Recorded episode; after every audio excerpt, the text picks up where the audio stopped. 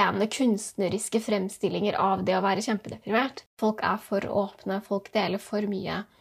Folk skader hverandre og gjør hverandre dårligere. Men um, i hvilke tilfeller kan, uh, kan åpenhet være bra?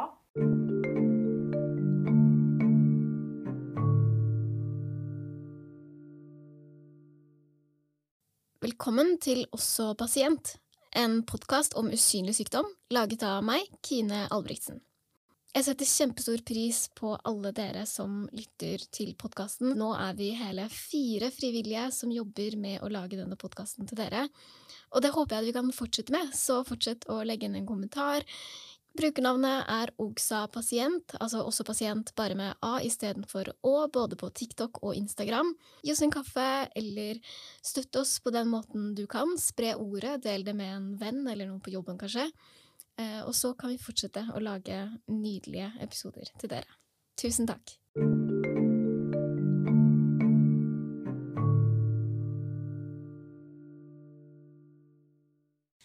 Da er vi klare for en ny episode av Også pasient. Og ukas gjest er jo på en måte ingen. Ja, ingen. Jeg er her, og du er her, Pernille. Jeg er også her, ja. Så i, i dag så er det vi to som skal snakke om et tema vi ikke har snakka om før. Som er åpenhet på internett. Ja. Det er jo et eh, ganske bredt tema, tror jeg. Eller litt sånn det er ikke så veldig spesifikt. det er ikke så veldig spesifikt. Um, vi har vel tenkt mer sånn i retning av det å dele på internett, det å være åpen om uh, psykisk sykdom eller sykdom generelt. Dele liksom av ting som er vanskelig og kanskje litt sånn tabubelagt som man ikke snakker så mye om. Mm. Uh, og hva syns vi om det? Hvordan er det? Driver vi med det? Alt det der. Er det for mye? Er ja. det for lite? Burde det vært en grense for noen? Burde det ikke være det? Skal alle gjøre det? Skal ingen gjøre det? ja, det setter vel egentlig stemninga for, eh, for dagens uh, tema. Um, vi kan jo kanskje begynne med litt sånn hva vi tenker at åpenhet på internett er i denne episoden, da.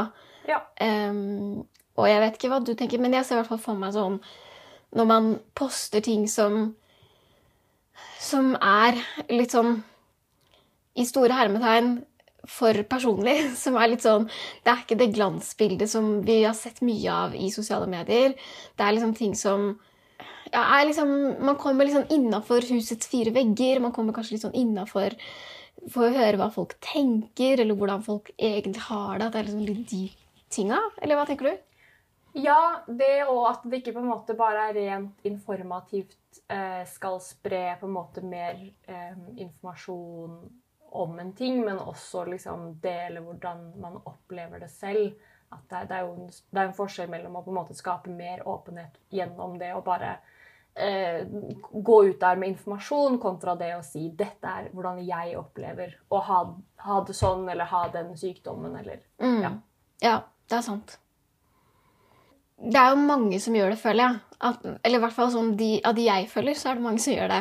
Uh, og jeg vil jo tro at det kanskje er litt sånn hva jeg er interessert i, og at jeg har eh, også pasient, og at jeg liksom følger mange som, som, skriver og snakker om psykisk helse og andre usynlige sykdommer. Uh, så jeg føler egentlig at det er ganske mye av det. Men det kan være at jeg bare er litt sånn biased. Jeg vet ikke. Ja, det er det som er litt vanskelig med sosiale medier, kanskje, fordi um hva man ser, er jo åpenbart veldig avhengig av hvem man følger, og også liksom hva slags eh, content man selv eh, engasjerer seg i. Mm. Jeg har også for så vidt ganske mye eh, ulik type sykdom i min feed, men eh, jeg har nok ikke like mye som deg. Og jeg merker veldig stor forskjell på mine egne profiler kontra også pasient sine profiler. Det, det er et stort sprik der i liksom hvor mye eh, man får av det. Eh, og der tenker jeg jo sikkert at det er ganske stor forskjell mellom deg og meg også, at du sikkert har en høyere prosent av det mm. som du liksom får i ansiktet hver dag, kontra hva jeg får. da. Ja, det vil jeg tro. Eh, og hvis det var uklart, så er det sånn at Pernille jobber jo med sosiale medier og strategi i Også Pasient, så du er jo innom på Også Pasient sin faktiske feed og scroller og liksom poster inn på vegne av Også Pasient, og da vil du jo få andre ting enn det du får privat. da. Ja, det nå har vi jo for ikke så lenge siden begynt å bli mer aktive på TikTok, og der merker jeg enormt stor forskjell mellom min egen, eh, egen TikTok-profil og også pasient sin. også pasient sin, der følger vi jo først og fremst personer som, som er eh, syke, enten usynlige eller sy- synlige, men også kontoer som har, har med liksom eh, Som har med usynlig sykdom og sykdom å gjøre, eller som ja, Altså terapeuter, eller folk som snakker om det, eller altså Det er jo veldig offentlige mye organisasjoner Ja, og de tingene der. Mens Mm. jeg på min egen konto følger jo liksom primært ting som bare er for underholdning. Liksom. Ja. Så det popper selvfølgelig inn. Mm. Um, og TikTok sine algoritmer også er jo liksom ekstreme med tanke på hva man blir servert hele tiden. Det er sant. Um, så jeg som f.eks. Uh, i min hverdag jobber med markedsføring, får så ekstremt mye markedsføring i min personlige feed. Mens, um, og det, er jo, det kommer jo bølger også, så det er jo det er klart det er litt ulikt også på hvilken plattform man er på. Mm. Eh, Instagram og Facebook er jo overhodet ikke så intense på hva de viser deg. Nei, det er sant. Det er sant. Eh, Vi har jo noen juksespørsmål her, og jeg Ja. det er litt interessant å snakke om litt om bare sånn hva slags forhold man har til internett, og hvordan man har brukt det opp igjennom, før man kanskje snakker om hvor spesifikke man har vært Mm. på internett. Ja, det er sant. Det er sant. Eh, Jeg husker selv at jeg liksom har vært på Jeg husker ikke når jeg starta med å være på internett, men jeg husker jo at jeg fikk en Facebook-profil veldig kort etter tid etter at det ble offentlig. Så det må jeg ha vært i 2007 en gang. Mm. Før det også så vil jeg, mener jeg å huske at jeg liksom Helt fra jeg var, gikk i fjerde klasse, eh, var liksom aktiv på ulike forumer på nett. Mm. Eh, typiske forumer hvor du eh, veldig lett kan bli grooma, eh, som Mm. jeg heldigvis slapp å være ute for så mye selv, selv om man møtte på mye Eller chatta med mye Hva var du på da? Chatroulette, liksom? Eller Nei, jeg husker ikke Jeg husker ikke hva disse tingene heter engang. Ah, men det var bare sånn var du en av backstage-gjengen? Nei, Ah, nei. jeg var ikke det. Men jeg var veldig glad i Habbo Hotell. Ja! Det- Ja, ja, ja. Og Der var jeg litt òg. grann innom Club Penguin. Der var jeg òg kjempemasse! Herregud. Åh, hvis noen er så unge at de ikke aner hva vi snakker om, så Sorry. Sorry. Jeg tror ikke dere vil vite heller. Det er, uff, det er egentlig Dere hadde ledd det hvis dere tenkte sånn Å ja, var det det folk gjorde da de var 12-13-14 år? Mens nå så driver jeg og sminker seg jævlig pent og blir eh, kjendiser, liksom. Mens vi Ja. bare styrer rundt på random som spill. Pingviner og Ja, nei, det var Uff a meg. Uff a meg. Eh, Så jeg har i hvert fall vært på internett eh, veldig lenge. Og én ting var på en måte den tiden, for da snakka man så mye med liksom, fremmede, og det var ingenting som festa seg. Men det var først når jeg liksom begynte å være mer på Twitter, at jeg kanskje i større grad følte at jeg hadde et community. da. At Mm. man liksom hadde en gjeng med ekte mennesker som man sånn ish visste hvem var. Eh, som man liksom hadde veldig mye interaksjoner med. Ja. Eh, kontra Facebook, som jo var primært folk jeg kjente. Ja, det, For min ja. del, i hvert fall. Mm. Ja, det er sant. Hva med deg? Hvor, eh, hvor starta det for din del? Ja, jeg tror jeg også fikk Facebook veldig tidlig. Um, og jeg tror egentlig jeg begynte med ganske mange ting veldig tidlig. Fordi uh, innen denne episoden publiseres, så har jeg 15-årsjubileum på Twitter. Ja, ikke sant? Som betyr at jeg har vært på Twitter over halve livet mitt. Ja. Eh, for jeg er jo da 28 og har vært der i 15 år. Ikke sant. Eh, så siden jeg var ja, hva er det, 13 eh, Og jeg var mye på ja, på Habbo Hotel og på Club Penguin og litt sånn ulike sånne steder. Føler ikke at jeg snakka med så mange. Det var mange jeg kjente, egentlig. Ja. Men så begynte jeg veldig tidlig også på et sted som heter eh, BloggTV. Har du hørt om det før? Nei, hva er det for? Det er basically en livestream. Det er Twitch. Oh. Bare gamle dager Twitch. Så en person streamer, og du kan kommentere i kommentarfeltet. Det er helt likt som Twitch, basically. Ehm, bare at det var ikke sånn man spilte ikke, man snakka da, eller gjorde random ting og sånn. Uh, der fikk jeg min første internettvenninne, som jeg dro og møtte. Da var jeg 14 år, tror jeg. Dro til Oslo for å møte Karin, min første internettvenninne. um, og ja, Karin var flere år eldre enn meg. Jeg dro sammen med kompisen min. Vi dro til Oslo for å møte Karin. Uh, det gikk fint. Uh, kjenner Karin fortsatt i dag. um, så jeg begynte egentlig ganske tidlig på dette internett... Uh, hva skal man si? Internettlivet, på en måte. Da, hvor jeg fikk venner og fikk liksom hva skal man si, ekte relasjoner og folk som jeg har holdt kontakten med kjempelenge. Mm. Eh, på ja, Blogg TV husker at jeg var mye på eh, Daily Booth, som var BeReal bare for 100 år siden. Um, ja, Instagram. Jeg var mye på blogg, altså leste folk sine blogger på blogg.no, liksom. Og på blogga mye selv. Eh, og begynte jo også veldig tidlig å skrive kronikker egentlig i avisa. Så jeg har liksom gjort alt veldig lenge, føler jeg. Mm. Um, men har vel kanskje hatt mest sånn community gjennom Twitter, egentlig. Da, der jeg har møtt flest folk og fått flest venner sånn, som har blitt uh, in real life-venner, på en måte. Ja, jeg også husker at jeg møtte Nå husker jeg ikke hvor gammel jeg var, men jeg var ganske ung. Og jeg møtte Jeg har fått i hvert fall ei venninne som jeg møtte gjennom Nettby. Mm. Eh, og det var egentlig helt merkelig, fordi mamma jeg husker at jeg fikk lov til å dra til besteforeldrene hennes. For hun var fra tror hun var fra Stavanger eller noe, så skulle hun til besteforeldrene sine. Og så fikk jeg lov til å dra til Asker Oi! og sove Shit. over der. Oi, wow! Eh, så det var en relativt safe prosess. Altså, det, jeg husker at mamma prata med dem sånn på forhånd, men det, altså, det kunne, Jo, jo. kunne jo ikke ha gått bra. Altså, yeah. for så ja. vidt, Men eh, Jeg vet ikke om jeg hadde turt i dag. nei, jeg er nok litt mer skeptisk eh, i dag, ja. Jeg husker at jeg til og med har sagt sånn Hei, Twitter, jeg sitter på denne kafeen. Kom hvis dere vil ta en kaffe. Ja, nei, det Det hadde jeg aldri gjort i dag. Aldri i livet, liksom. Nei. Nei, man følte, seg, man følte vel kanskje at det var et litt mer lukka sted. Det er jo Ja. det som kanskje er litt av utfordringen når man føler at man bygger seg opp et community. Enten om det er liksom eh, gjennom blogging, eller om det er på Twitter, eller om det er Instagram for den Mm. sakens skyld, så føler man jo liksom at man får får liksom sterke relasjoner, da, fordi det er mennesker du på en måte du har, fi, du har dem i feeden i hver dag, og du Mm. har liksom så stort innblikk i livene deres, og Mm. man snakker kanskje en del sammen, eller responderer på det de andre gjør, så man blir liksom sånn Man blir jo venner. Vi også ble jo kjent på Twitter. Ja, ja. Absolutt. Eh, så vi har jo på sett og vis kjent hverandre i veldig, veldig mange år. Mm. Eh, og møttes et par ganger, men på en måte aldri liksom eh, hatt fast fysisk kontakt Ja, ja. før eh, jeg kom og sa sånn Hei, driver du og lager podkast alene? Hva om jeg også kommer og lager podkast med deg? Eh, og det er ett og et halvt år siden. ja. Eh, så dette her er jo også et resultat av Det internett. er sant. Det er sant. Eh, så det er jo egentlig Takk, litt absurd. Ja, det er veldig rart. Og veldig gøy, da. Og jeg syns det var dritgøy, fordi jeg tror det hjalp veldig at jeg visste litt sånn hvem du var òg. Ja. Fordi jeg hadde møtt deg noen ganger. Jeg visste liksom ish sånn hvem på en måte høres kanskje litt creepy ut, men jeg visste jo liksom litt om vennegjengen din. på en måte. Eller sånn, Jeg kunne se for meg hva slags person du var. Ja. Og da du tok kontakt, så tenkte jeg også sånn Å ja, men jeg kommer til å like deg. Så let's go, liksom, hvis du skjønner. Ja, og så har vi så mange felles venner også. Så Mm. det er litt sånn der Å ja, men hun har faktisk, har, syns faktisk at Kine er en ålreit person. Ja, ja. ja, ok, men Da går det jo bra. også, liksom. Ja, ja. Dø.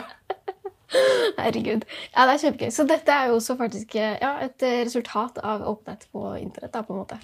Ja, så um, internett kan være et veldig ålreit og, og hyggelig sted, og det Mm. kan jo definitivt ikke være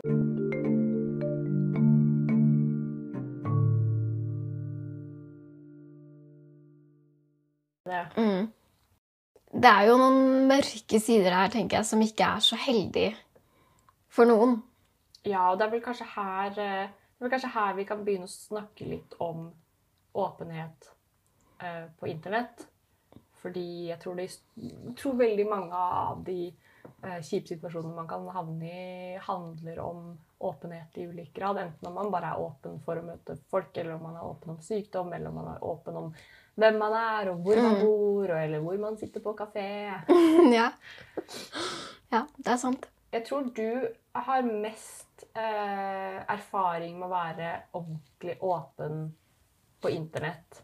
Eh, jeg husker jeg har gått på noen blemmer da jeg var yngre. hvor jeg liksom, For jeg også blogga, eh, og det var veldig liksom, hverdagslig blogging. Og så var det noe litt emosjonell eh, blogging. Men det var liksom sånn, jeg var veldig veldig glad i å skrive, så det var liksom først og fremst en outlet for å gjøre det. Mm. Og mye av det var trist, fordi jeg var jo en angstig tenåring, liksom. Ja. Um, men jeg delte aldri liksom veldig personlige ting, selv om jeg gikk gjennom uh, mye kjipe ting på den tiden hvor jeg uh, var uh, aktiv blogger. da. Mm. Men jeg husker jo at jeg har delt ting om liksom krangler med venner og sånn, liksom. Som oh, ja. bare ja. ikke Som man ikke burde gjøre, fordi det er en så utrolig privat ting. Eh, Og det blir så ensidig. Ja, det, ja, det så det husker ikke. jeg også at jeg fikk litt backlash for. Ja. Um, Du skrev på bloggen din at jeg sa det, og det var ikke sant. Ja, men det var nesten sånn. Uh, og det er en sånn ting som jeg, har jeg har vært legit flau over det i Mm. etterkant. At man liksom kan finne på å gjøre det. Men det er det da, at liksom, jo mer man deler på internett, jo lavere blir også terskelen for å fortsette. Mm. Eh, og det å gå i detalj, så selv om jeg ikke liksom, eh, fortalte så veldig mye av, av de kjipeste tingene, så var det på en måte sånn Det kunne sikkert fort gått den veien hvis ingen sa sånn Dude, gidder du? Ikke, ikke gjør det der, liksom. Mm. Det er ikke Altså, du er på en måte glad for korreksjonen du fikk? på en måte? Ja, veldig glad for det. Selv om jeg tok det ikke sånn kjempepent akkurat der og da. Nei. Men man blir jo litt mer forsiktig, kanskje. Eller jeg ble litt mer forsiktig fordi jeg Um, synes, Sikkert primært fordi jeg syns det er litt ubehagelig å få kjeft. Ja. um, så det satte nok en demper for min del på sånn videre deling av I hvert fall sånne type ting. Og det er jo bare en veldig uskyldig ting i utgangspunktet, men, men det er bare ikke hyggelig å snakke sånn om andre mennesker generelt. Uh, men du har vel uh, delt litt drøyere ting opp igjennom på ulike fora. Uff. Dette er den verste delen av denne episoden. Jeg eh, har bare hørt bruddstykker om dette, så jeg, jeg syns dette er helt nydelig. Finn frem popkornet. Um, jeg ble jo, som mange vet uh, Kanskje ikke alle, da, men jeg begynte jo å slite psykisk sånn på ekte. holdt jeg på å si. Jeg var kanskje sånn 14. Akkurat da vi begynte å være masse på internett. Mm. Ehm,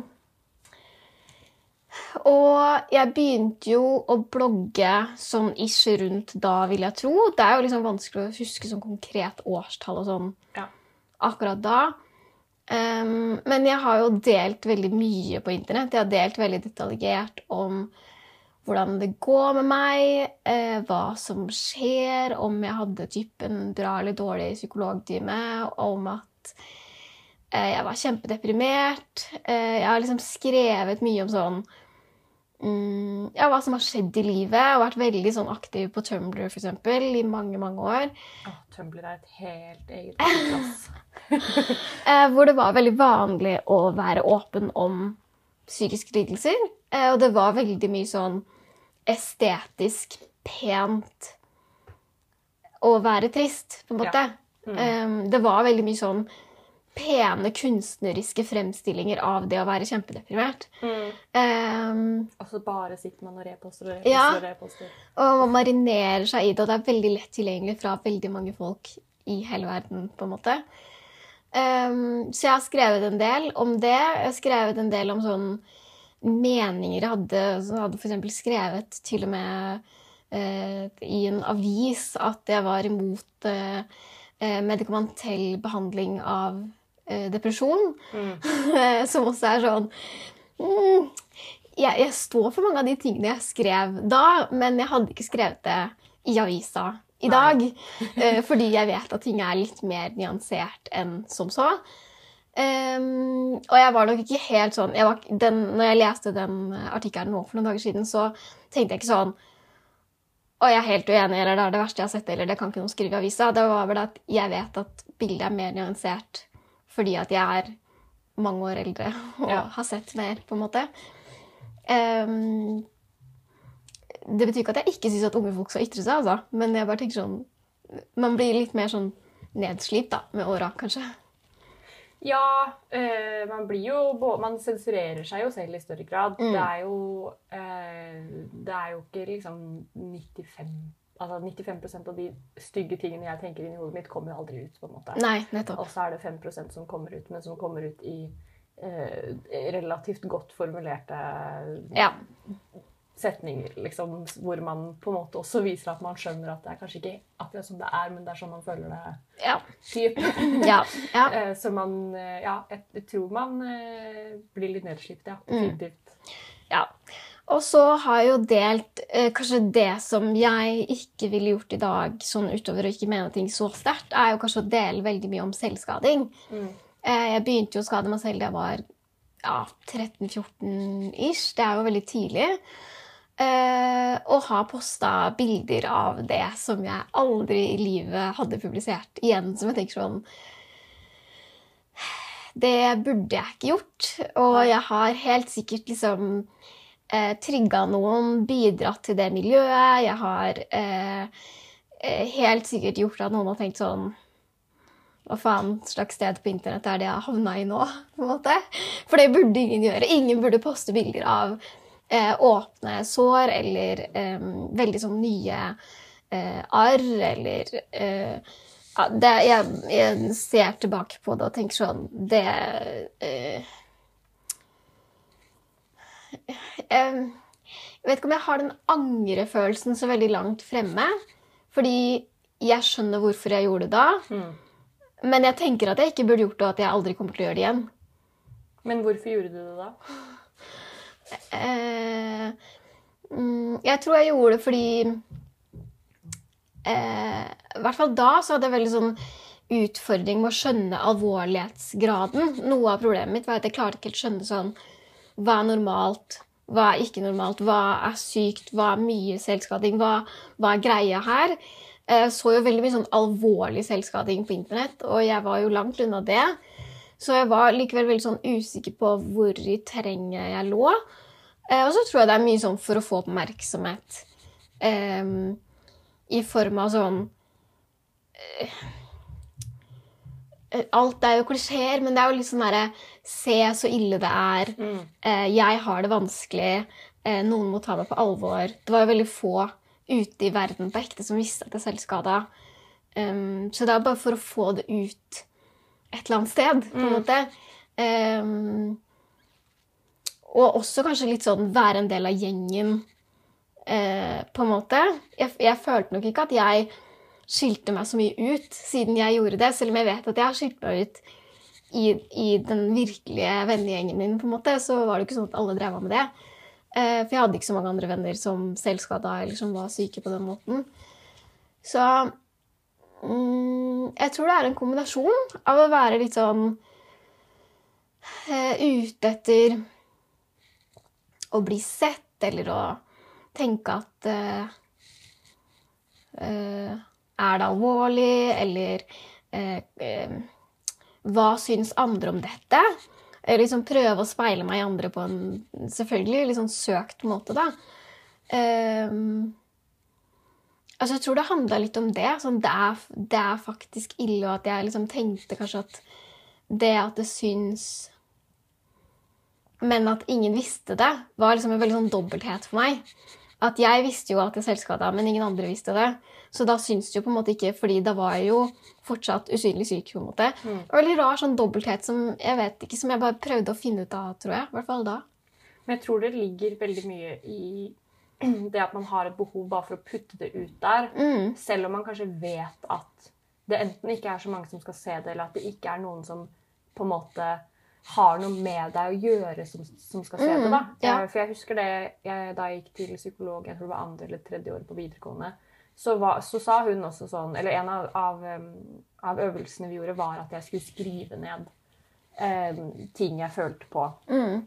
Eh, litt sånn dagbok-type Mm. ting, men primært for negative følelser, liksom. Eh, og da også så eh, opprettet jeg en helt privat Tumblr med, eller Tumblr-profil med eh, passord Mm. som hun hadde tilgang til, sånn at hun kunne lese Ja. det. Mm. Eh, og så skrev jeg der jevnlig når jeg liksom følte at jeg hadde behov for det. Og Mm. bare det å ha puttet det ut der, og vite at hvis jeg vil, eller i dette tilfellet så hadde jo hun tilgang til passordet, så hun Mm. hadde jo tilgang hele tiden. Men at liksom, det er noen som, som ser det på mine premisser. Eh, Ja. Det er jo kanskje litt det, da, at man tar litt mer kontroll over de kjipe tingene man har, som man egentlig ikke har kontroll over. Men det Mm. her er liksom det nærmeste du får å kunne Mm. styre det litt, da. Mm. Og så tror jeg det bare er liksom noe med å si det. Fordi jeg, i hvert fall sånn i starten så var liksom selvskading var jo sånn nytt, og det er jo um, skummelt, og det er vondt, og det er, jo, det er jo ikke noe fett. Så jeg tror at en del av de tingene var også bare sånn At jeg ikke helt visste liksom plassen min. Da. Jeg var usikker på sånn Hva er det jeg egentlig driver med? Eh, hvor ille er det Altså, jeg klarte liksom ikke helt å finne ut av det, på en måte. Hvis det gjør noe mening. Ja, og det er jo bare det å klare å på en måte vise fram eller sette ord på ting, er jo faktisk en viktig øvelse. Det er sant. Eh, ja. selv, om, selv om man ikke skal vise åpne sår på internett. Og det, det kan vi stå for, på en måte. Så er det jo noe med det at det er, det er jo en øvelse i å faktisk på et punkt senere kunne sette ord på det til noen. Mm, Um, så så det, det er jo egentlig en positiv ting. mm, At man har et forum hvor man føler seg litt mer anonym, eller bare hvor det er litt lavere terskel for å dele ting um, som gjør at man tør å gjøre det. mm, Uh, fordi man ikke egentlig vet om det sitter noen i andre enden. Men da har du i hvert fall satt ord på det og putta det ut der. Mm, Em, og for mange så er det sikkert første gang man gjør det, er på internett. mm. Sikkert for de aller fleste i dag. Ja, så tenker jeg også at det er noe med sånn Kanskje internett tar det imot bedre enn de rundt deg også. Ja. Um, Fordi si man til møter likesinnede, liksom. Ja. Ja. Og folk som kjenner seg igjen, og som kan si noe nyttig. Og eh, ja, sånn som i dag, hvor man kan lære helt sykt mye på internett da, om alle disse tingene man sliter med. og Man kan få mye bra input også. Mm. Um, men så har jeg jo ment liksom bra ting.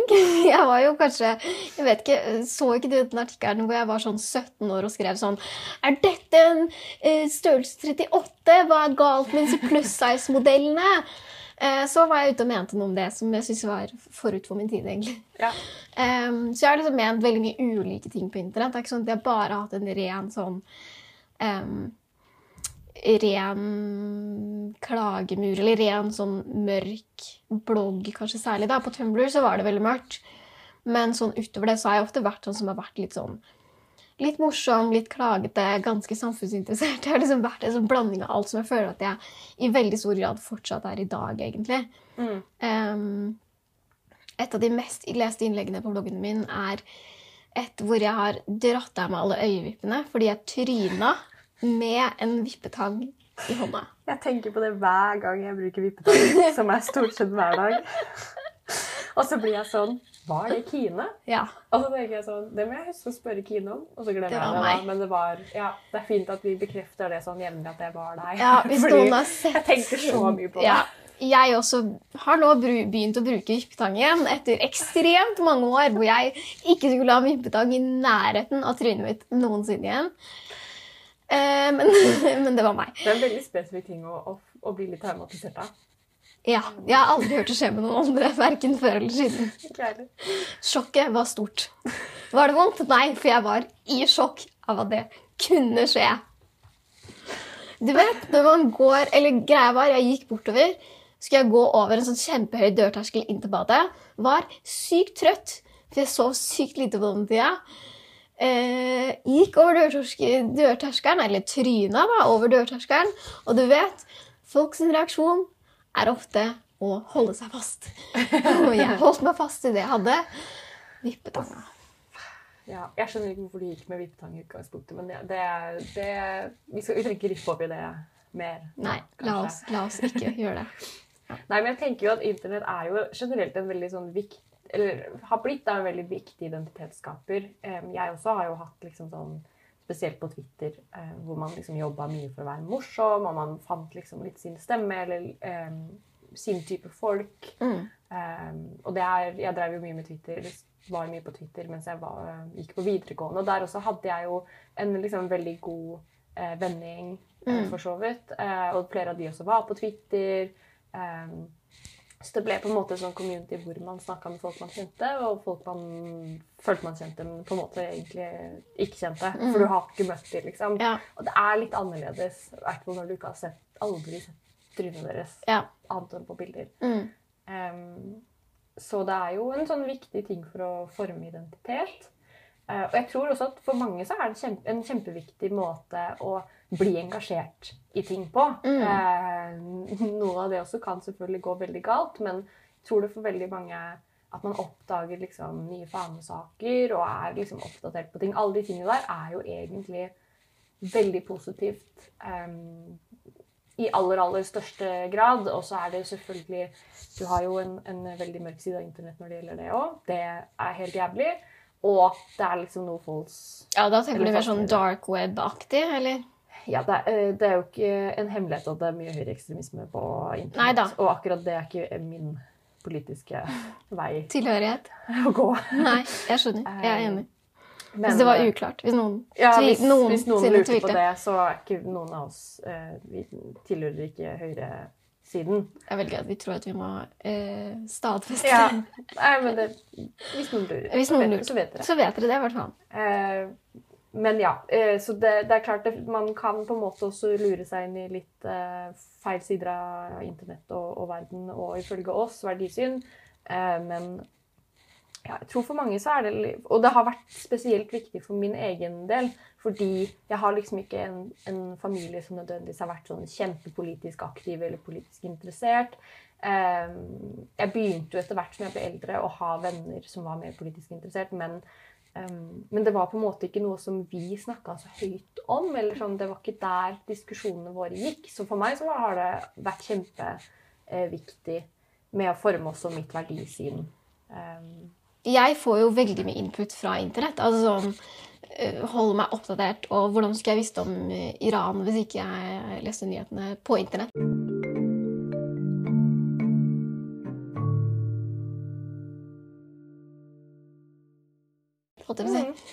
Og at ting sprer seg fort, da. For å liksom ta to minutter om, om mer av de mørke sidene på internett, så, så syns jo jeg at det mest problematiske med internett for min del har jo vært de mer sånn lukka nettverkene. Som er litt sånn høyreekstremisme, bare å ødelegge seg selv, på Ja. en måte. Er jo det jeg syns har vært mest problematisk med åpenhet på internett. At folk er for åpne, folk deler for mye. Folk skader hverandre og gjør hverandre dårligere, på en måte. Det er jo noe av det jeg syns har vært vanskeligst, og hvor jeg også har tatt veldig avstand fra det miljøet for lenge siden, da, og har ingen planer om å gå tilbake dit, holdt jeg på å si. Nei, og um, det er jo lett å Eller det er nok ikke så lett, men hvis du leter eh, godt nok, så finner du jo um, Fant man jo de da vi var unge, og man finner de fortsatt. De liksom veldig, veldig skadelige forumene. Um, og de tror jeg kanskje vi bare sånn på generell basis skal anbefale folk å holde seg unna, fordi man ikke blir frisk av det. Men det er, det er jo liksom et spørsmål om hvor mye man skal dele på de mer vanlige forumene òg. Hvor mye skal man dele på Instagram eller på TikTok eller Mm. på Facebook eller hvor man eh, befinner seg på internett. Og Mm. man ser jo liksom stadig vekk ting som man tenker sånn eh, eh, Jeg skjønner hvor du vil, men er det egentlig bra? Er det Det er liksom en vurdering i eh, Ja, er dette for åpent? Er, er dette triggende? Vi tar jo hele tiden også um, vurderinger av hvordan vi skal kommunisere ut. Spesielt i liksom de episodene vi har gjort som er, eh, som er typisk liksom triggende eh, emner. Eh, vi må hele tiden ta en vurdering på er dette for mye, eller er det innafor.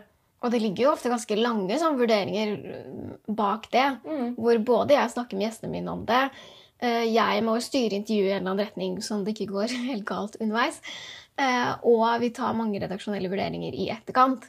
Skal man eh, ta bort dette? Skal vi klippe bort det? Skal vi ehm, Kan det stå der?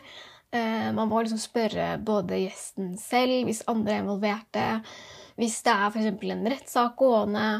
Em, hva sier liksom Vær varsom-plakaten? Hvordan skal man omtale selvmord eller alvorlige spiseforstyrrelser? Eller, altså det er alle disse tingene som man jo gjør en vurdering på. Da. Eller vi gjør i hvert fall det ganske sånn kontinuerlig Mm. underveis.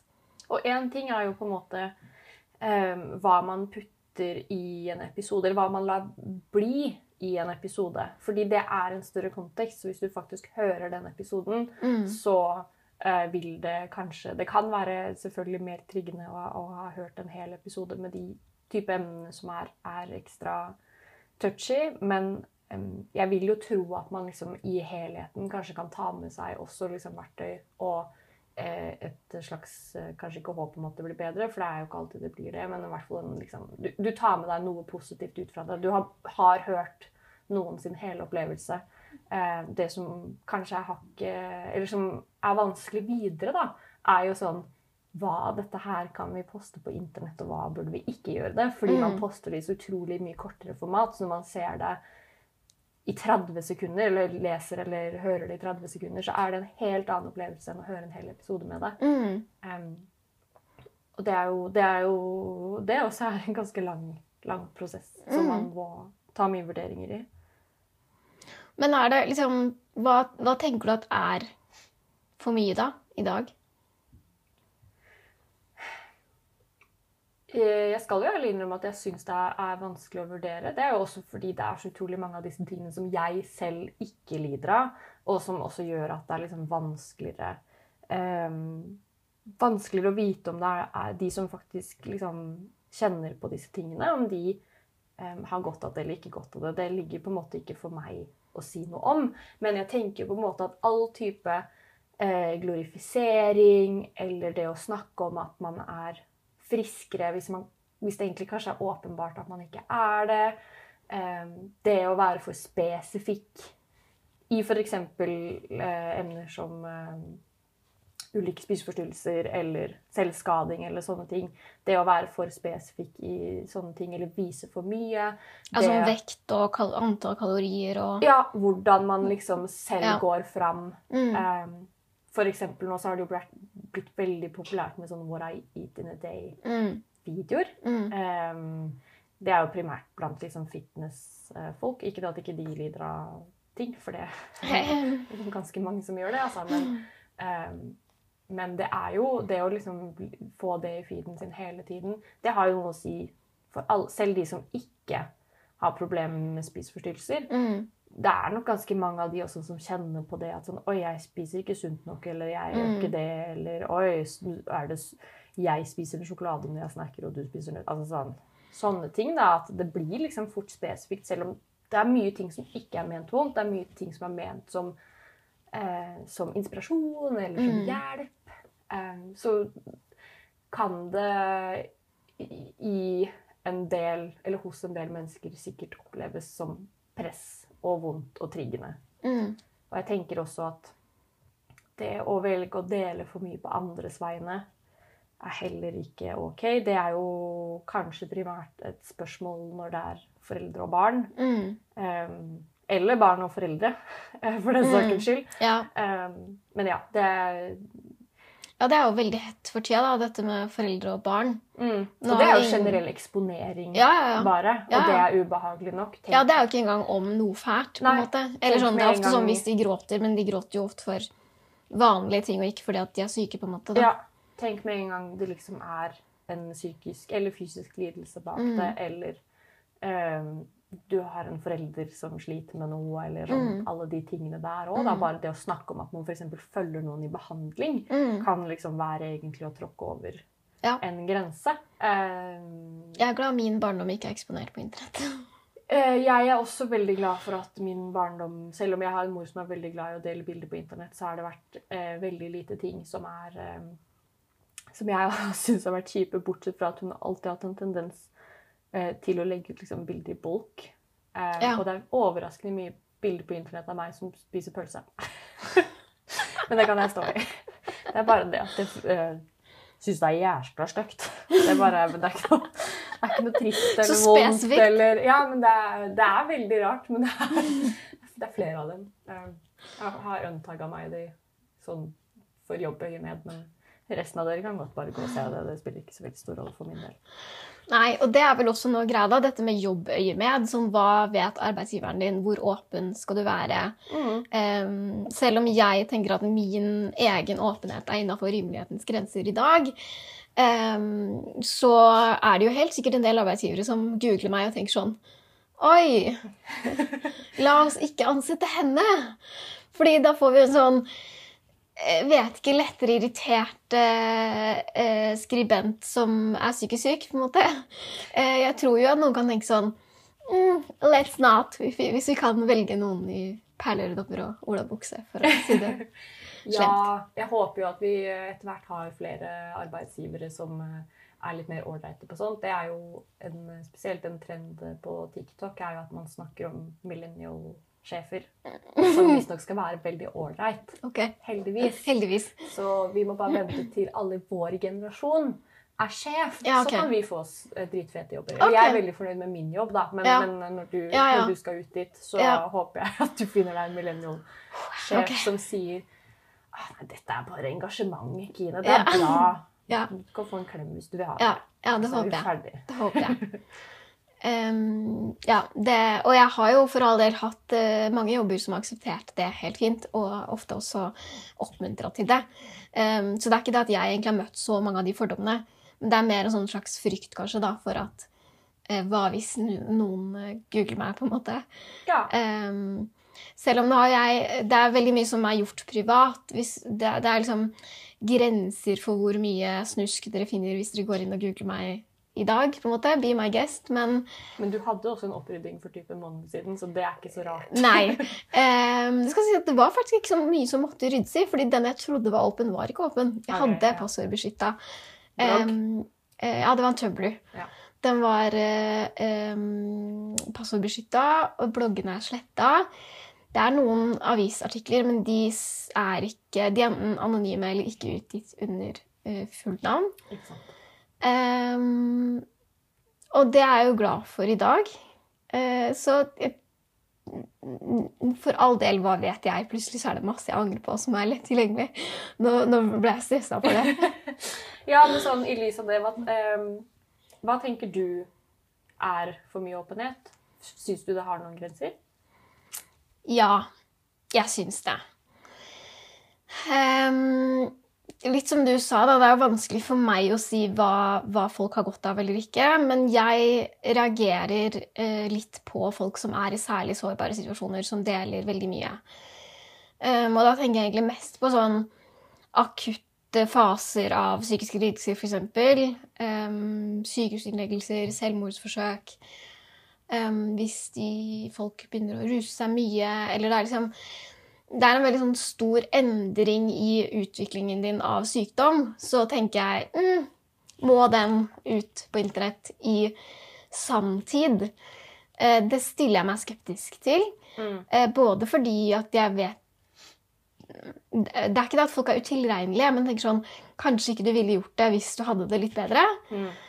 For det er jo et rop om hjelp i mange Eh, Ja, tilfeller. ja, og i hvert fall sånn oppmerksomhet. Noen, og jeg mener ikke oppmerksomhet som at det er en negativ ting nødvendigvis, fordi jeg tror det å ville ha oppmerksomhet når man har det så dårlig, er helt legit. Det å føle seg hørt Ja, og sett. ja, Eh, For det å si Ja, det er jo noe stigma rundt det å si at folk vil ha oppmerksomhet, faktisk. Ja, ja, Men det å føle seg hørt og sett Ja. er jo viktig. ja.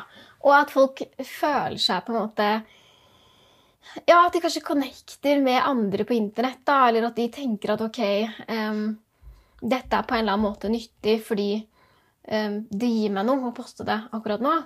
Eh, og så tenker jeg, jeg vet ikke helt om det er så nyttig å poste det i liksom sanntid. Og så lurer jeg litt på Eller jeg tenker også på hvilket ansvar man pålegger andre. Ja.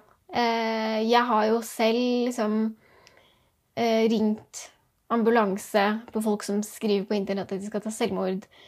Folk har tatt selvmord, hvor jeg har tenkt sånn Burde jeg gjort noe mer?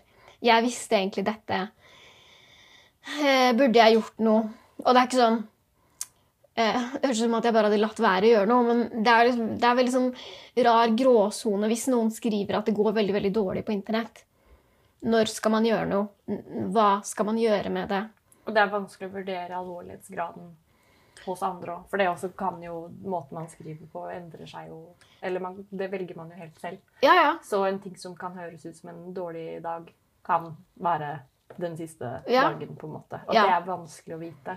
Ja, og jeg tenker at det er liksom mm, Det er vel noe av det jeg syns var vanskeligst med å være en del av det private nettverket, særlig på Instagram og Twitter og eh, blogg og Tumblr. Det har flytta seg liksom rundt fra plattformene over the years. Da jeg vet at nå er det mest på TikTok. Eh, og så begynte en sånn ny slags priv-Twitter som, som går.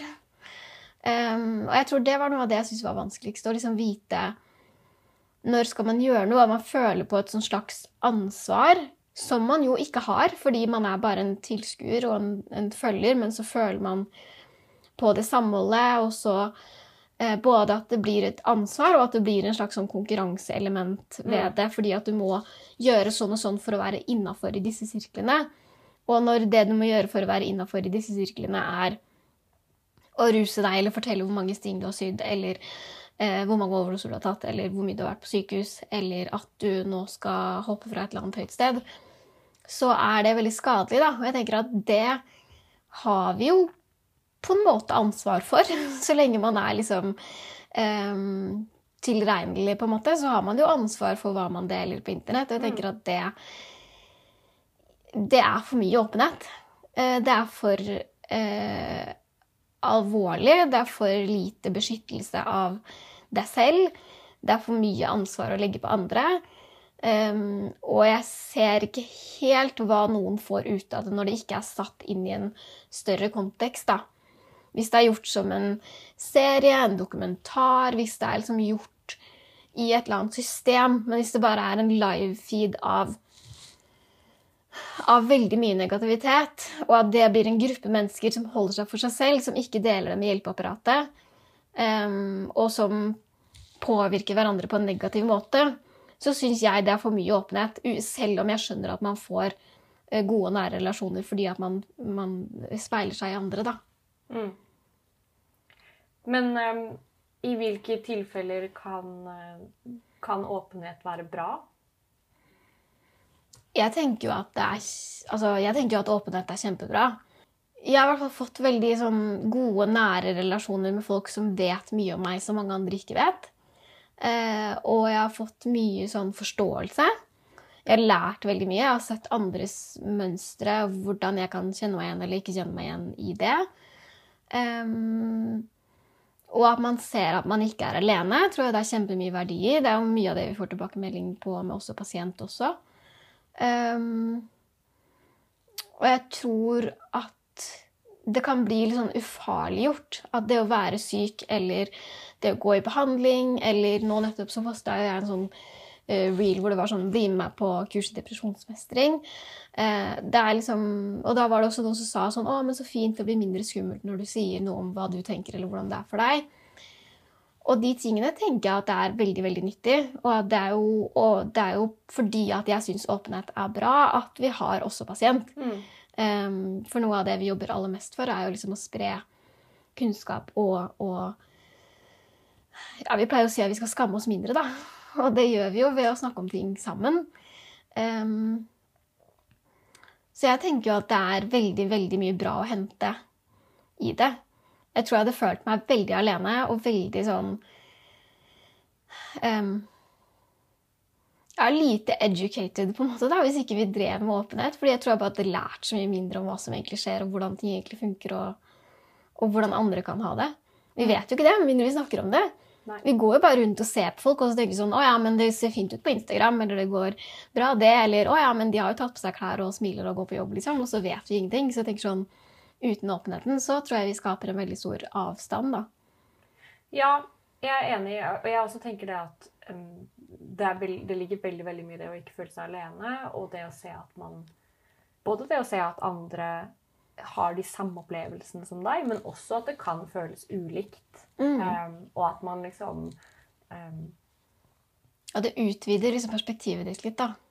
Ja, og at man også kanskje forstår Hvis man er sånn veldig eh, fastlåst på at det er dette som gjør at jeg lider av dette, um, og så har man fortsatt ganske mye ting rundt som, som, man, som på en måte er reaksjoner som man kanskje ikke får helt svar på, eller som er symptomer da, som man bare ignorerer eller tenker at det er Og så får man ikke behandling for det, da, for man tenker bare at det så, Sånn er jeg, liksom. Og Mm. så ser man sånn Å ja, du har også flere av disse tingene. Shit, kanskje det også er en viktig ting som jeg må ta med i, i, i vurderinga når jeg skal f.eks. gå til legen eller ha psykiater eller få videre behandling for ting. At man faktisk også skjønner at Skjønner hvor stort eh, sykdomsspekteret kan være eh, også. Jeg tror det er mange har lært. Og det er jo, vi ser jo nå at man snakker mye om liksom at eh, Som f.eks. ADHD og, og det å være egentlig hvor som helst på spekteret har liksom blitt en trend. Mm. Eh, og det er liksom flere leger som refererer til det som en trend. Så er det sånn, ja, det selvfølgelig har noe åpenhet rundt sånne ting. Eh, det, det kan skape Eller det kan sørge for at ganske mange føler at de eh, har lider av noe, liksom. Eller Mm. ha, har en diagnose.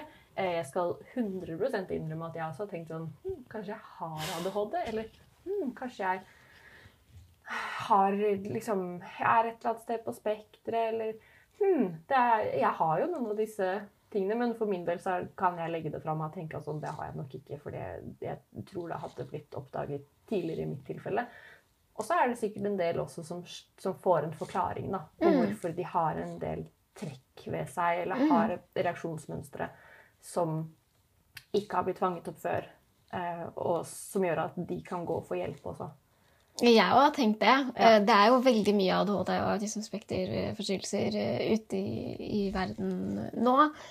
Jeg tror jo at eh, en del av de er sent oppdagede tilfeller som vi nå ser fordi at vi vet mer, Mm. eh, og fordi folk vet mer, så de, de eh, vet at å ja, men symptomene på ADHD for kvinner er kanskje annerledes enn hos menn, da, i Mm. mange tilfeller. Å ja, men da gir dette mening, og så går de og sjekker det. på en måte. Og så er det sånn, Jeg har også tenkt sånn Ja, men hva hvis jeg bare har ADHD? Da hadde jo forklart meg mange ting. Ja. Eh, og så vet jeg ikke det. Jeg har ikke sjekka.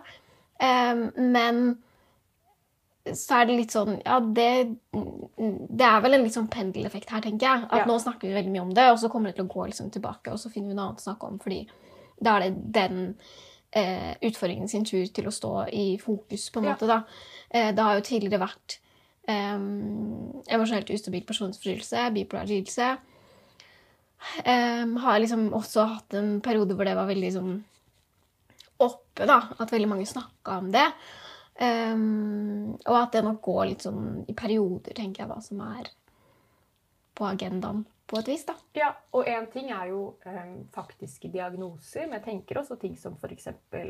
Eh, prevensjon og hormoner og hormonforstyrrelser, og på en måte hvor mye det kan ha å si for en person. Bare det har vært kjempeviktig Mm. for mange kvinner at man har snakket mer om, fordi eh, det har ført til at folk kanskje har eh, endret type prevensjon man går Mm. på, eller liksom har skjønt at man i en del tilfeller kanskje ikke kan gå på p-piller pga. hormoner. Mm. Um, så det er jo liksom Ja, det er jo viktig Det handler om bare om å skjønne litt også hvordan kroppen fungerer, og at man er bedre rusta til å skjønne seg selv. Og så er det ikke alltid man har en diagnose eller trenger å få fastslått at man har en diagnose, men at man også bare kan godta litt hvordan man som menneske fungerer. Fordi Mm. vi er så vant til å ha veldig mye forventninger som er en eh, ganske bitte liten boks på Mm. hvordan man skal oppføre seg, hvordan man skal føle, hvordan man skal være og snakke og alt det her. Um, så bare det å snakke om ting generelt gjør at man bare Å ja, så det er helt greit å eh, ha heftig PMS. Mm. Det er jo noe med det å igjen bare ha putta det ut der sånn Oi, jeg har, blir egentlig ganske sur jeg før jeg skal ha mensen. Mm. Eh, det går greit. Og så skjønner man at det går greit. Da kan det til og med hende at man At det roer seg litt. Det er en sånn ting som skjedde for meg. når jeg var sånn, Oi, ok. Fordi man, snakker, man har liksom alltid snakka om at det er sånn Å, å, du er så sur, har du mensen? Så er det sånn Ja! Jeg er sur Ja. fordi jeg har masse hormoner. Sånn fungerer jeg. Og så roer det seg litt. Eller sånn oppi hodet mitt har jeg godtatt at ok, men dette her er ikke uka di, liksom. Det er helt greit. Mm. Punktum, liksom. Ja. ikke, da kan du ta det rolig, da. Da kan, du huske, da kan du droppe litt planer, og så kan du heller sitte hjemme og se på TV-serier, fordi det syns du er hyggeligere. Mm. Ikke sant? Og det trenger ikke være fordi man er sur. Det kan være fordi man eh, har liksom andre kropp, kroppslige symptomer som bare er kjipe, liksom. Mm. Um, så jeg er veldig enig i at at åpenhet jo egentlig er bra, i liksom den grad at man kan fjerne stigma Mm. rundt det. Ja. Ja jeg, altså, tenk så mye mer vi har tilgang på da, i dag, Ja. enn bare da man hadde leksikon, liksom. Det er jo Og det høres veldig sånn steinalder ut, men det er jo ikke det, egentlig. Nei, Det er ikke eh, så lenge siden, liksom. Nei, vi, vi brukte jo faktisk leksikon da jeg gikk på barneskolen, liksom. Vi brukte Ja. jo ikke internett for Nei, å finne nei. informasjon. Nei. Det var ikke that, that, That's not how we work, liksom. Nei. Det var lærebøker. Og så kunne du gå på biblioteket hvis du skulle finne mer informasjon. Ja, ja. Det var vår Google. Mm. Um, og det Det er ikke det at ikke det funka greit, men du får jo på en måte et litt større spekter og kanskje i mye større grad muligheten til å ta eh, egne vurderinger på hva som du syns er riktig. Da. Det, Mm. det er jo det, det Man får jo flere Det burde jo følge med litt kritisk tenkning inn i internettbildet, da. Man får jo både gode og dårlige kilder, så Mm. det må man jo på en måte også være klar over. Men eh, da har man i hvert fall muligheten til å gjøre seg opp en mening selv. Mm. Og det er jo, det er jo bra at Ja, mennesker faktisk også kan eh, Eller har muligheten til å reflektere over hva som er riktig og galt. Mm. Og så hender det man ender opp feil. Ja. Men det, Kanskje. det må man Det er jo Det må man bare regne med, på en måte. Ja. ja, så det har jo positive og negative sider. Og jeg er jo kanskje litt mer sånn Jeg vet ikke om jeg har brent barn som skyr ilden, men jeg er jo kanskje mer skeptisk også fordi jeg tror at jeg vet en god del om hva som skjer på de i de lukka nettverkene i psykiatrien, da. Mm. Um, og det gjør jo kanskje at jeg er mer skeptisk enn de som ikke vet hva som eksisterer der inne. holdt jeg på å si. Um, og jeg tenker at det er bra at det ikke lenger er like mystisk og, og hemmelig, men det, det er jo absolutt til stede. Um, det er ikke så lenge siden jeg var og liksom snoka på okay, hvordan ser det ut for unge i dag. Uh, og det ser 100% likt ut. Det er bare en ny app, et annet format, en litt annen måte å legge det frem på. Uh, men det er stort sett det samme. Jeg tror jo det kommer til å fortsette. Tror behovet er der. Eh, Men som jeg har skrevet i en kronikk før, jeg tror at vi bare må ta med det på Instagram og nå TikTok da, inn i terapirommet. Det er ikke det at vi må, vi må ikke liksom um, banne alt og si sånn Det er ikke lov. Det er ikke lov å være på denne måten her. Jeg tror det bare skaper større avstand og skyver de ut, men vi må prøve en eller annen måte å, å inkludere det inn i terapirommet, inn i, eh, faktiske hjelpere som kan hjelpe deg, mer enn andre tenåringer på internett. Og så prøve å finne ut av hvordan skal vi liksom klare å bygge en bro mellom det vi ikke tør å si, til de som kan hjelpe oss, og, eh, og de som faktisk kan gjøre noe, da. Ja, og også Eller ikke i alle tilfeller, altså, for all del, men, men um, jeg tenker jo at det kanskje også er et pluss at man um, At man kan ta det inn i andre relasjoner også. Mm. Det er jo i veldig mange tilfeller viktig at de rundt deg i hvert fall har noe innsikt i hva du går gjennom. Mm. Både for å kunne tilrettelegge, men også til å være med på å kunne gi deg hjelp. Um, fordi det er lett å gå med det aleine. Mm. Um, og det merker vi jo også i en del av tilfellene i også pasient, at det er liksom for tabubelagt. Um, så min Jeg levde jo alltid litt sånn da jeg var yngre, og gjør jo for så vidt det fortsatt at hvis det er noe jeg ikke føler jeg kan si til venner eller familie, så skriver jeg det jo heller ikke på internett. Um, og så tenker jeg at de, de tilfellene man gjør det så um, Som du sier, da, at man i hvert fall kan ta det med et annet sted. Uh, sånn, at man, sånn at noen kan hjelpe deg med å bearbeide de tingene. Mm. Eh, for uh, uansett hvor bra det er å på en måte føle at man har et community og alle de tingene på internett, så er det jo, det er jo selvforsterkende. Hvis man hele tiden går rundt og ser på at andre har det kjipt. Eller at man bare på en måte kun poster om kjipe ting selv også. Absolutt. Så tror jeg at man bare ja, ligger og marinerer i det og ikke har noen mulighet til å komme seg ut av det. Ja, jeg er glad jeg får noen sånn TikTok som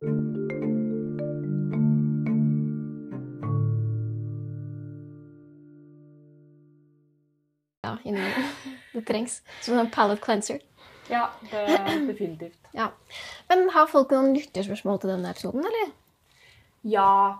ehm, eh, vi har et her som er litt uh, gøyalt, som jeg også eh, egentlig lurer på. Fordi jeg tror vi begge to har opplevd å på en måte bli gjenkjent som f.eks. Twitter-navnene våre eh, av, eh, av mennesker. Ja. Ehm, det er faktisk ikke så mange år siden noen eh, ropte mitt eh, internettpersona etter meg på en konsert, og jeg var sånn Hæ? Hvem er du? Eh, og det er veldig hyggelig, eh, og så er det veldig weird. Men hvordan er det å bli kjent igjen som også pasient eh, heller enn som Kine? Ah, jeg har bare en bitte liten avstikker først til det du sa om Twitter-personer. For jeg hadde tidligere et ekstremt ekkelt brukernavn på Twitter. Eh, det er faktisk for stygt til å gjentas eh, i denne podkasten. Ja, men det var ufint. Det var ufint. Ja, Eh, det er det er ikke greit. Nei. Data, fordi det høres ut som et skjellsord kontra at noen bare skal få oppmerksomheten din. Ja. Ja. Det høres ikke hyggelig ut. Um, og så var jeg veldig mye på Slottsfjell da jeg var uh, yngre. Det er en festival, hvis det er noen av dere som ikke Fins den ikke fortsatt? Jo, den gjenoppsto i fjor, men den har vært uh, nede et par år. shit, pommes frites. Jeg er veldig gammel. Det har bytta location og sånn, så, så eh, hvis jeg var der, så ville jeg ikke dratt dit. Jeg var der i fjor. Ok. Og det er jo en det, Jeg tror det for mange, hvis de oppdager det for første gang, kjempefin festival. For oss som faktisk fikk være på fjellet, Og de er ikke er Nei, de, er, de har bytta lokasjon. Mm. Så Ok, Nå følte jeg meg dritgammel. beklager til alle andre også som hører dette for første gang. Åh, jeg nå følte jeg meg så gammel. Ja, men ok. Eh, jeg var der da, i hvert fall på Slottsfjell, denne festivalen. Og så var jeg egentlig bare inne i Tønsberg sentrum, for den ligger i, i Tønsberg. Og så er det noen som roper dette Twitter-navnet altså så høyt. Og jeg snur meg rundt og så tenker sånn Hva tenker alle de folka som ser nå at det er jeg som snur meg og reagerer på denne kommandoen ropt etter meg? Ja, og det er, det er kjemperart. Det skjedde heldigvis ikke så ofte at noen ropte det ekstremt ekle navnet eh, etter meg. Eh, men det har jo skjedd eh, skjedd nå, ja, at folk kjenner meg igjen som også pasient. Mm. Eh, veldig ofte så kaller de meg by name, liksom. De sier sånn at det er Kine', på en måte. Ja. Eh, men ofte sier sånn 'Ja, jeg hører på podkasten'.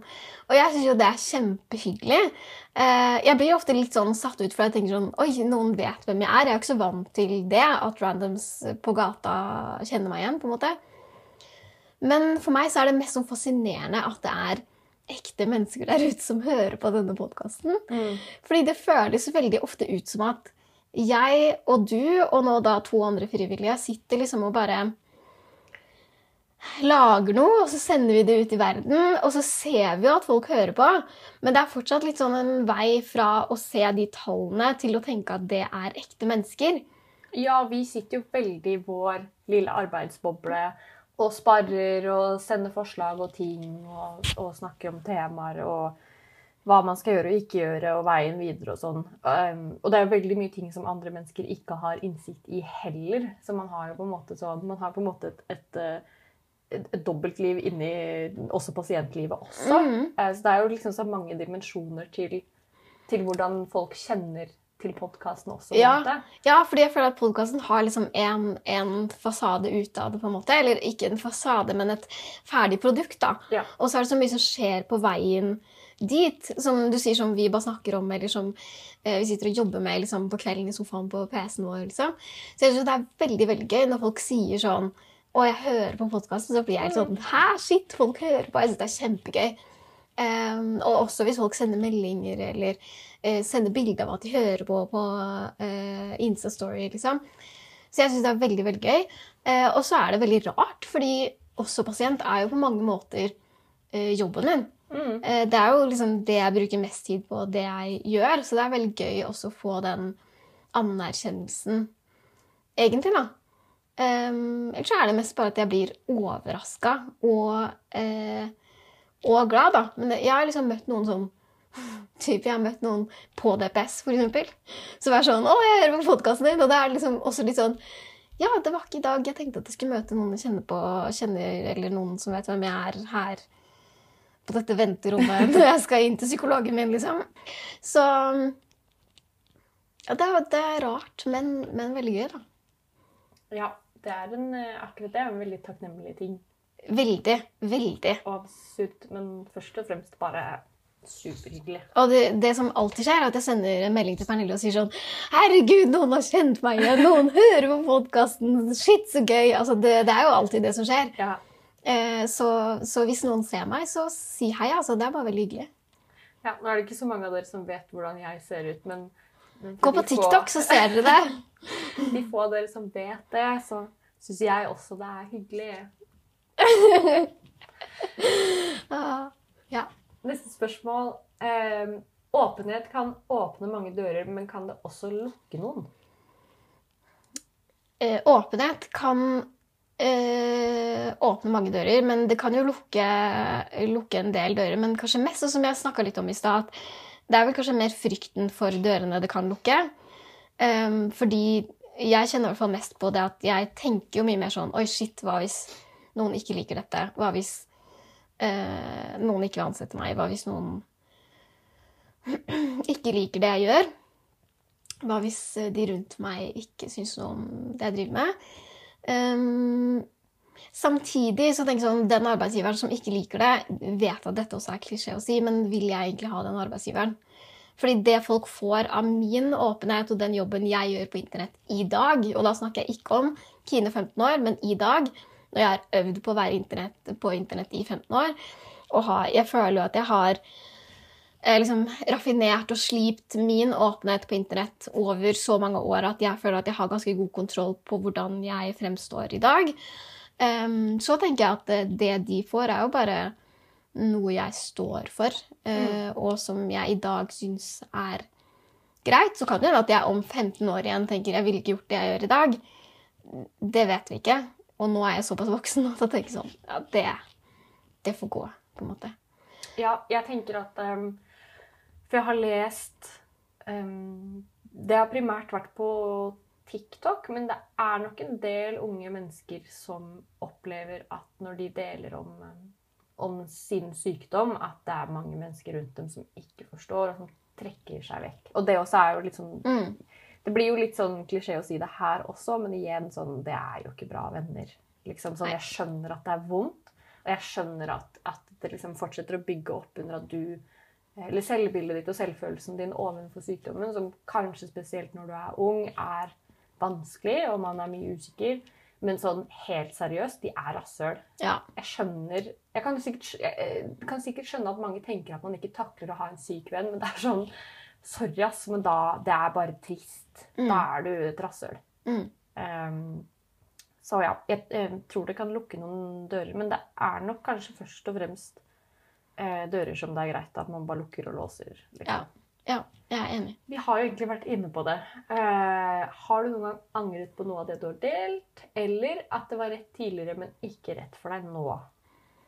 Ja, og det er vel mye mer det siste, da. Uh, jeg, jeg uh, begynte å tenke sånn før vi skulle spille inn denne episoden, så sånn, men hvor, hva er det jeg egentlig angrer på? jeg har jo ikke egentlig en egenskap til å angre. Det tror jeg vi har snakka om i podkasten ja. før, at jeg angrer jo ikke på ting. Så for meg så er ikke en sånn gjenkjent Eller jeg har nok mulighet til å gjøre det, men eh, jeg bare Det faller deg ikke så lett? Nei, det er litt bortkasta energi, bare. Jeg kan godt liksom være engstelig over ting og sånn, men det er på en måte ikke noe poeng å angre over det, for du får ikke tatt det tilbake. Nei, jeg er enig. Eller jeg begynte i hvert fall å tenke på anger. Um, Sivert Moe, if you hear me, få meg inn som gjest. Grav frem om jeg angrer. um, I podkasten Anger. Uh, jeg tror kanskje ikke jeg angrer så mye. Ja, fordi Angre eh, Nei, det er mye mer at jeg ikke ville gjort det i dag. Jeg, jeg Og at man ikke vil se at andre gjør det.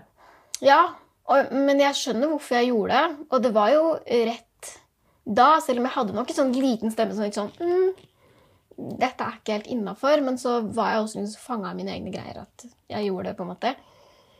Så er jo spørsmålet da står jeg for det. Jeg har jo tatt det bort fra internett i dag. Eh, jeg vil ikke at det skal være der når folk googler meg. Eh, men jeg gjorde det jo, så jeg kan jo ikke komme meg unna på det. på noen måte. Det må jeg jo bare eh, Det er sånn det er, på en måte. Så jeg angrer ikke. Jeg hadde ikke gjort det i dag. Jeg hadde ikke gjort det igjen. Ja. Har åpenhet på nett ført til bedre mental helse for din del? Det er et veldig godt spørsmål. Um, har det ført til bedre mental helse? Det er et veldig godt spørsmål, faktisk. For min del så um, føler jeg at det har ført til bedre mental helse på den måten at jeg har um, fått meg venner som er liksom veldig, veldig åpne for å høre om det òg. At man har et forum hvor man i hvert fall kan putte ting ut der. Mm. Um, og få utløp for ting. Og innimellom så får man råd eller spørsmål eller liksom Mm. eh, en form for hjelp, da. Selv om Mm. man ikke i mitt tilfelle trenger liksom eh, F.eks. å gå til psykolog, så Mm. betyr det jo ikke at jeg ikke har dårlige dager, på en måte. Mm. Og da kan det å bare ha noen å rante til Mm. være nok. Mm. Um, og det er, det er liksom en, en ordentlig ting som gjør min mentale helse bedre eller lettere. Man føler at man ikke står så aleine i det. Mm. Um, men det er jo litt som vi snakka om i stad, at hvis um, Spesielt da jeg var yngre, om jeg bare hadde fortsatt å på en måte dele ting og bli liksom Eller at terskelen min ble lavere for å dele mer og mer av negative ting, så Mm. hadde nok min mentale helse blitt dårligere. Fordi Mm. det hadde ikke vært en, en bra ting for meg å gjøre. Mm. Og jeg tror også fokuset blir Som du snakka om i stad, så er det jo liksom en, en konkurransedrevet ting med andre, men det hadde også blitt det med meg selv. Mm. At Ja. sånn Å, men jeg kan jo ikke bare sitte og fortelle om at jeg har en kjip dag, jeg har en kjip dag, jeg har en kjip dag. Det må jo på en måte um, Det må jo endre seg. Mm. Og det vil være mer naturlig å trekke det til det negative Mm. kontra det positive. I hvert fall når man liksom fortsatt er syk. Mm. Så er det liksom Det er ofte veien ned som er vanskeligere, eller som er lettest, mener jeg, å gå, kontra å dra det mer positivt. Jeg tror at de første årene Og da mener jeg kanskje sånn frem til jeg var Ja, fra jeg var 13 da, til jeg var kanskje i hvert fall 18, om ikke 19. Da hadde jeg liksom begynt å studere, flytta til Oslo. Fått en del sånn andre impulser, fått en del andre venner og sånn. Så det er vanskelig å si, men jeg vil jo si at all den negative inputen jeg fikk fra andre syke, og hva jeg delte selv som syk, gjorde meg nok totalt sett verre. Mm. Fordi at jeg ble med på den eh, karusellen, og jeg kjente veldig mange som var syke. Og det har jeg liksom gjort egentlig på en måte hele livet, da. Eller ungdommen og ung voksen, og nå som voksen så kjenner jeg folk som har det dårlig, og som er i veldig dårlige situasjoner over tid. Um, og jeg tror at i hvert fall de åra der så gjorde det nok meg verre. Uh, så er det jo litt sånn paradoksalt kanskje at uten den åpenheten så hadde jeg heller ikke fått de vennene jeg har i dag. Mm. Uh, og de gir meg veldig mye av det samme som du beskriver, da. Uh, og jeg har mye, mye mindre eh, sykdom rundt meg sånn på internett også, og ellers i livet så har jeg mange flere venner som har det eh, helt vanlig, liksom, Mm. som ikke er kjempesyke, eller som Det er bare sånn vanlig i livets eh, daler, på en måte. Så det har jo ført til mange mange bra venner, og det har jo virkelig liksom hjulpet med å slipe på en måte det engasjementet og alle de tingene jeg gjør i dag. Men, men den åpenheten som jeg i dag ser på som negativ, har jo gjort det verre. Ja. Det er vel på en måte en ting som er litt sånn selvinnsiktbetinget. Og jeg tenker jo at hvis du Hvis man har mm, muligheten til å vurdere at um, at det kanskje ikke er så bra å putte ut der, så er man også friskere Mm. enn om man hadde hatt et behov for å putte det ut der. Mm. Så konklusjonen er jo på en måte nei. det gir egentlig ikke bedre mental helse å ha vært så åpen. Nei. Samtidig så er det veldig rart for meg i dag å tenke sånn Ja, ok, men hva hvis jeg bare skal slutte å være åpen på internett? På Ja. måte?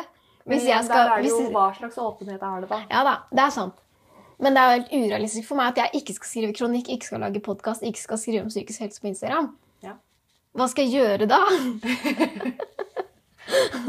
Så det er vel liksom hva slags åpenhet og på hvilken måte. Fordi jeg tenker jo at også pasient er jo i ekstremt stor grad åpenhet på internett. Mm. Eh, Det er bare en mer sånn kalkulert versjon, da. Ja. Eh, Og det er et annet format, og det er et annet produkt, og det er et konsept som er større enn en meg, på en måte.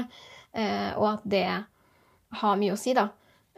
Så, så åpenhet totalt sett har jo gitt meg ekstremt mye bra.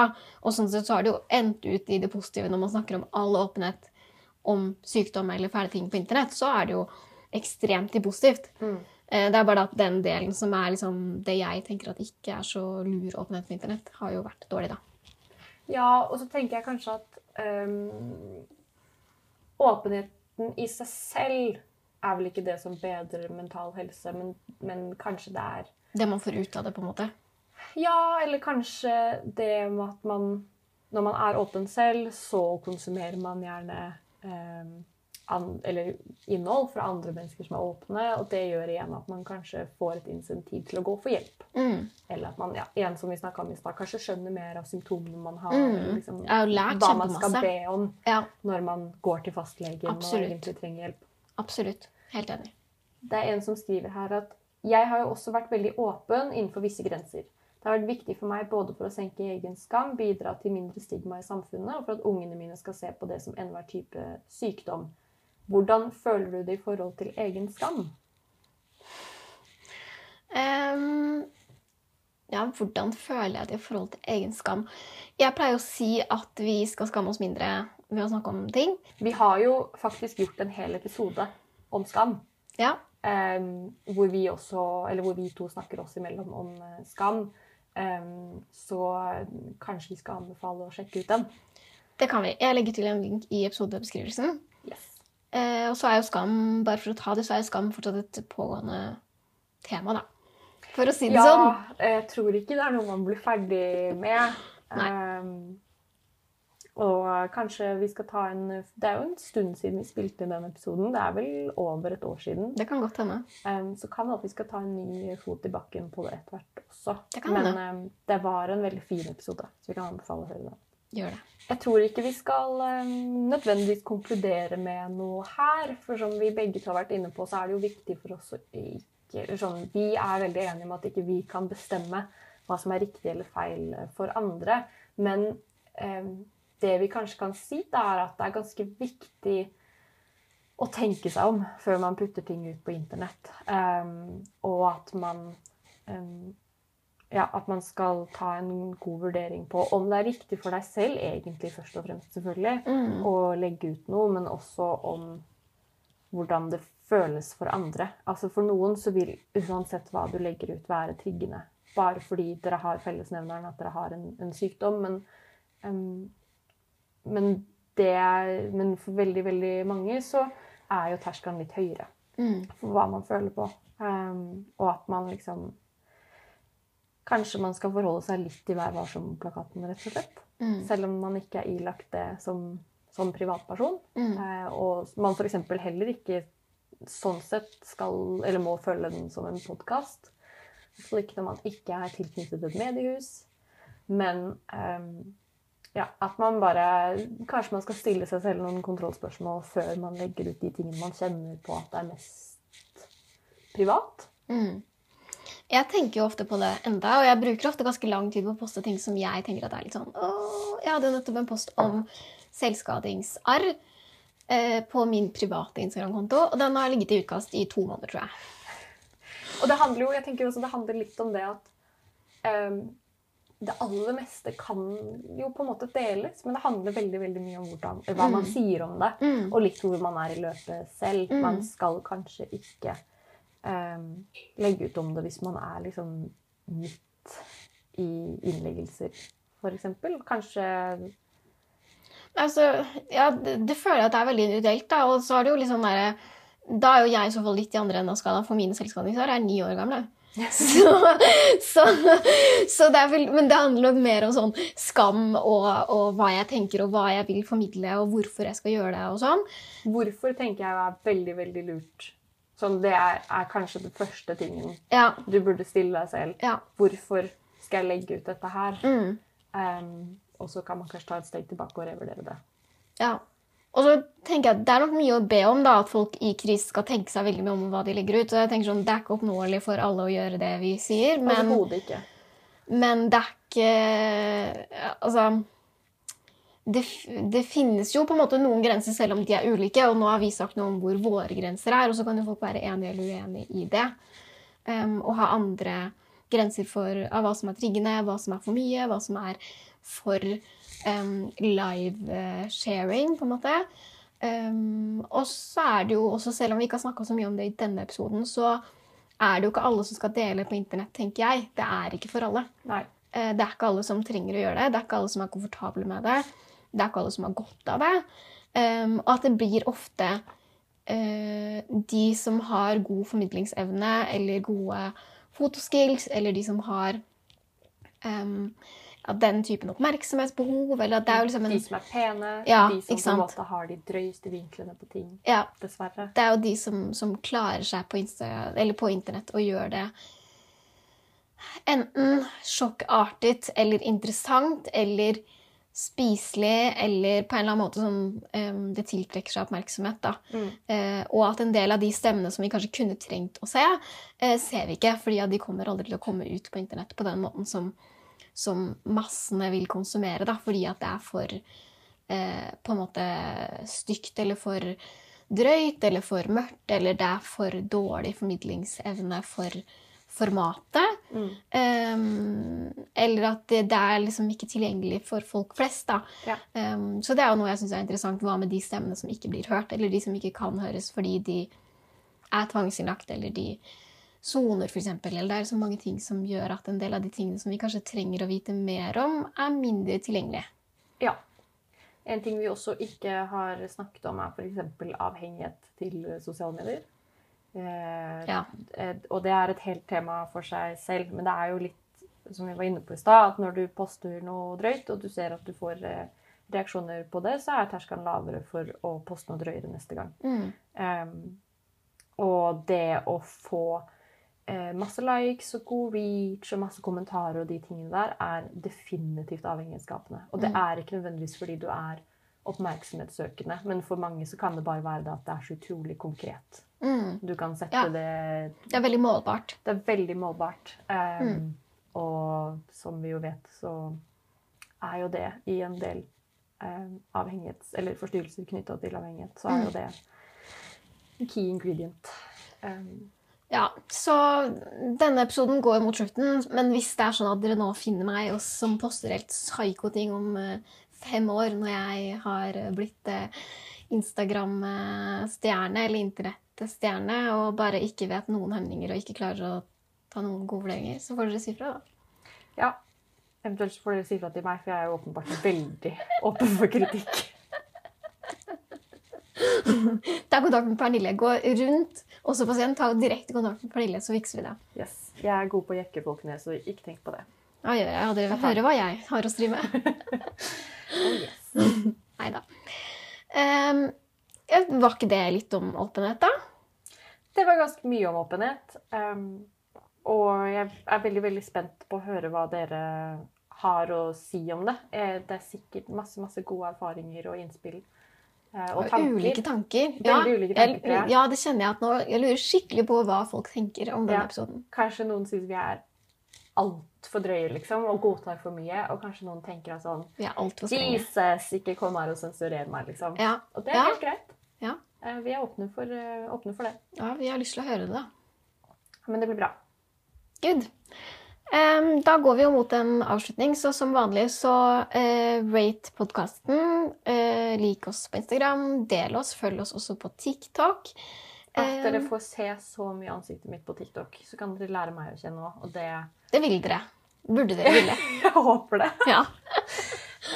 Hvis dere ikke vil det, så er det også helt greit. Men eh, Gjør det for Pernille og også pasientens skyld, da. ja, takk. Em, ja, gjør det. Kjøp oss en kaffe. Linken ligger i episodebeskrivelsen. Uh, så